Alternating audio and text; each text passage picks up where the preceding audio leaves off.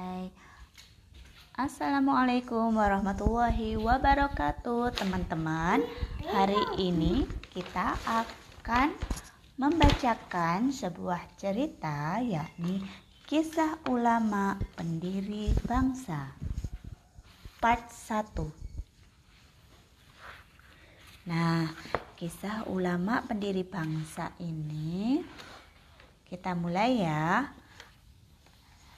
Alkisah saat itu Islam sudah menyebar di Jawa.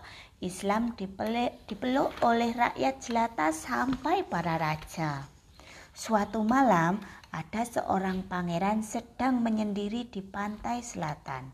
Dalam mimpinya, ia didatangi oleh salah satu wali songo yaitu Sunan Kalijogo. Sunan Kalijogo berpesan, awal keruntuhan Jawa akan terjadi dalam waktu dekat. Saat itu, pangeran tak benar-benar paham akan maknanya. Sampai beberapa tahun kemudian, ia sendiri memimpin perang terbesar dalam sejarah penjajahan Belanda di Nusantara. Dan zaman pun berubah. Nah, berubah siapa itu, itu yang dimimpiin itu? Yang dimimpiin itu ternyata adalah Pangeran Diponegoro. Nah, jadi ulama pendiri bangsa itu salah satunya adalah Pangeran Diponegoro. Oke. Nah, pada tahun 1825 serang Tentara penjajah Hindia Belanda membakar rumah Tegal Rejo milik Pangeran Diponegoro. Jadi rumahnya itu dibakar. Rakyat mengangkat tombak untuk membela sang pangeran. Nah, Pangeran Diponegoro adalah putra sul putra sulung dari Sultan Hamengkubuwono III dari Kesultanan Mataram Islam Mataram Islam Yogyakarta apa kudanya jahat apa enggak kudanya enggak jahat ini kudanya ini membantu Pangeran Diponegoro dalam menyerang Belanda nah Meski putra pertama, ia menolak untuk dijadikan penerus raja, tapi ia tak bisa hanya diam melihat ulah Belanda.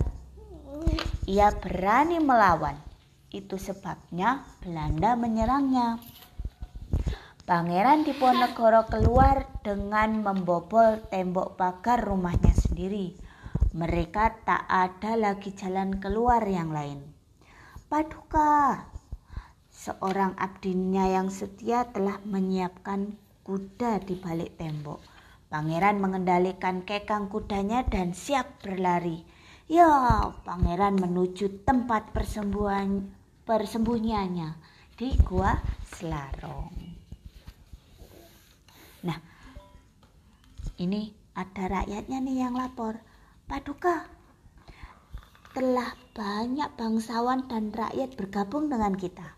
Tidak lama lagi para kiai di Jawa dipastikan bergabung juga, lapor sang panglima perang. Ribuan orang berperang bersama Pangeran Diponegoro pada tahun 1825 sampai 1830 karena Belanda tidak suka dengan Pangeran Diponegoro. Mereka memerangi Belanda yang membuat rakyat miskin dan menderita. Karena Pangeran Diponegoro ini adalah orang terdepan untuk membela orang-orang miskin, orang-orang yang menderita, orang-orang yang tertindas. Makanya Belanda nggak suka gitu. Nah, Kiai dari berbagai daerah pun datang ke Gua Selarong.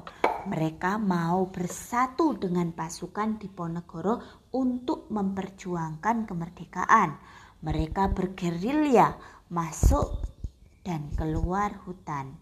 Hutan Jawa adalah tempat yang sempurna untuk mengendap-endap, kemudian mendadak menyerang.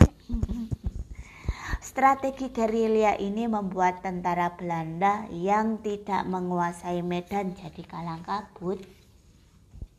Kan mereka nggak tahu ya. Sebentar, nah. sebentar. Dah. Dah. Hendrik van Kook, Hendrik van Kook seorang perwira tentara Belanda memiliki strategi untuk mengalahkan pasukan Diponegoro. Mereka membangun ratusan benteng untuk bertahan. Semakin hari pasukan Diponegoro semakin terpojok. Kekuatan penting sebagai pasukan Sentot, Ali Basyah dan Kiai Mojo kalah menghadapi Belanda. Tidak hanya di Jawa Tengah, perang juga menyebar ke Jawa bagian barat dan timur terutama setelah mengalami ke kekalahan. Pasukan santri semakin menyebar ke pedalaman, menjauhi benteng-benteng Belanda. Salah satunya adalah Kiai Abdus Salam di Jombang. Nah, Kiai Abdus Salam inilah nanti adalah seorang kakek dari Kiai Hashim As'ari. Namanya Kiai Abdus Salam. Sudah. Oke. Nah, Kiai Abdus Salam ini mendirikan pondok dari bambu untuk tempat tinggalnya para santri di gunung eh, di dusun Gedang, Jombang.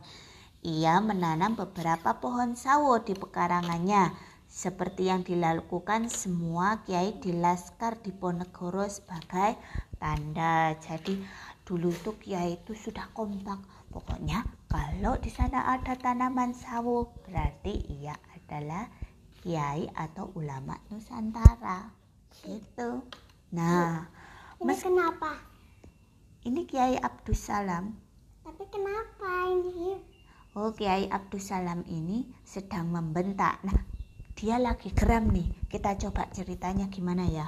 Nah, meski jauh dari benteng, keberadaan pesantren Kiai Abdus Salam diketahui juga oleh Belanda. Seorang komandan Belanda pun mengutus kurir untuk mendatanginya. Kurir itu dengan congkak berteriak mem memanggil Kiai Abdus Salam. Oh, dia dia sedang memarahi kurir Belanda.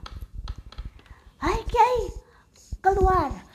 Kau dipanggil komandan Belanda, kata kurir itu membentak Kiai. Kontan, Kiai Abdus Salah pun geram. Berani-beraninya ya kurir itu bertindak lancang. Kamu siapa? Wah kaget si kurir. Wah ternyata Pak Kiai lebih garang daripada saya bentak Kiai Abdul Salam menggelegar bak petir.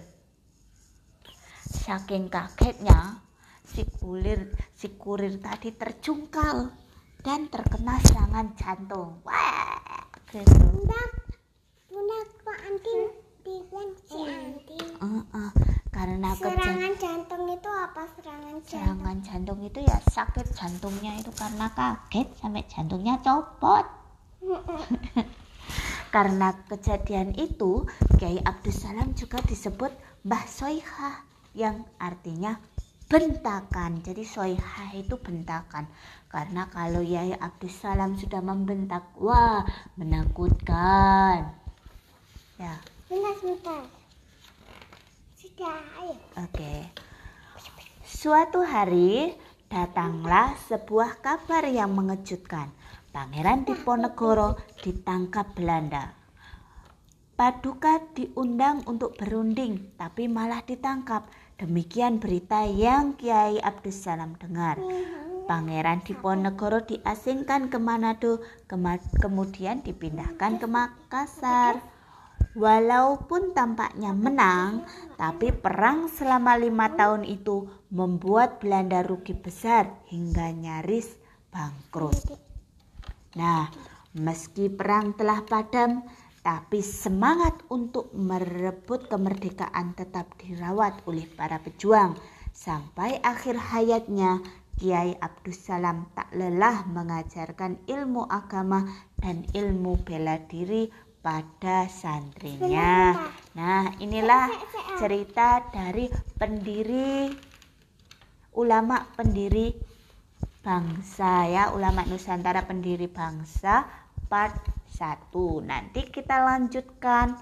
Ulama pendiri bangsa part 2 ya yang part 2 ini yaitu lahirnya Kiai Hashim As'ari Kenapa Nantikan ya teman-teman. Terima kasih. Wassalamualaikum warahmatullahi wabarakatuh.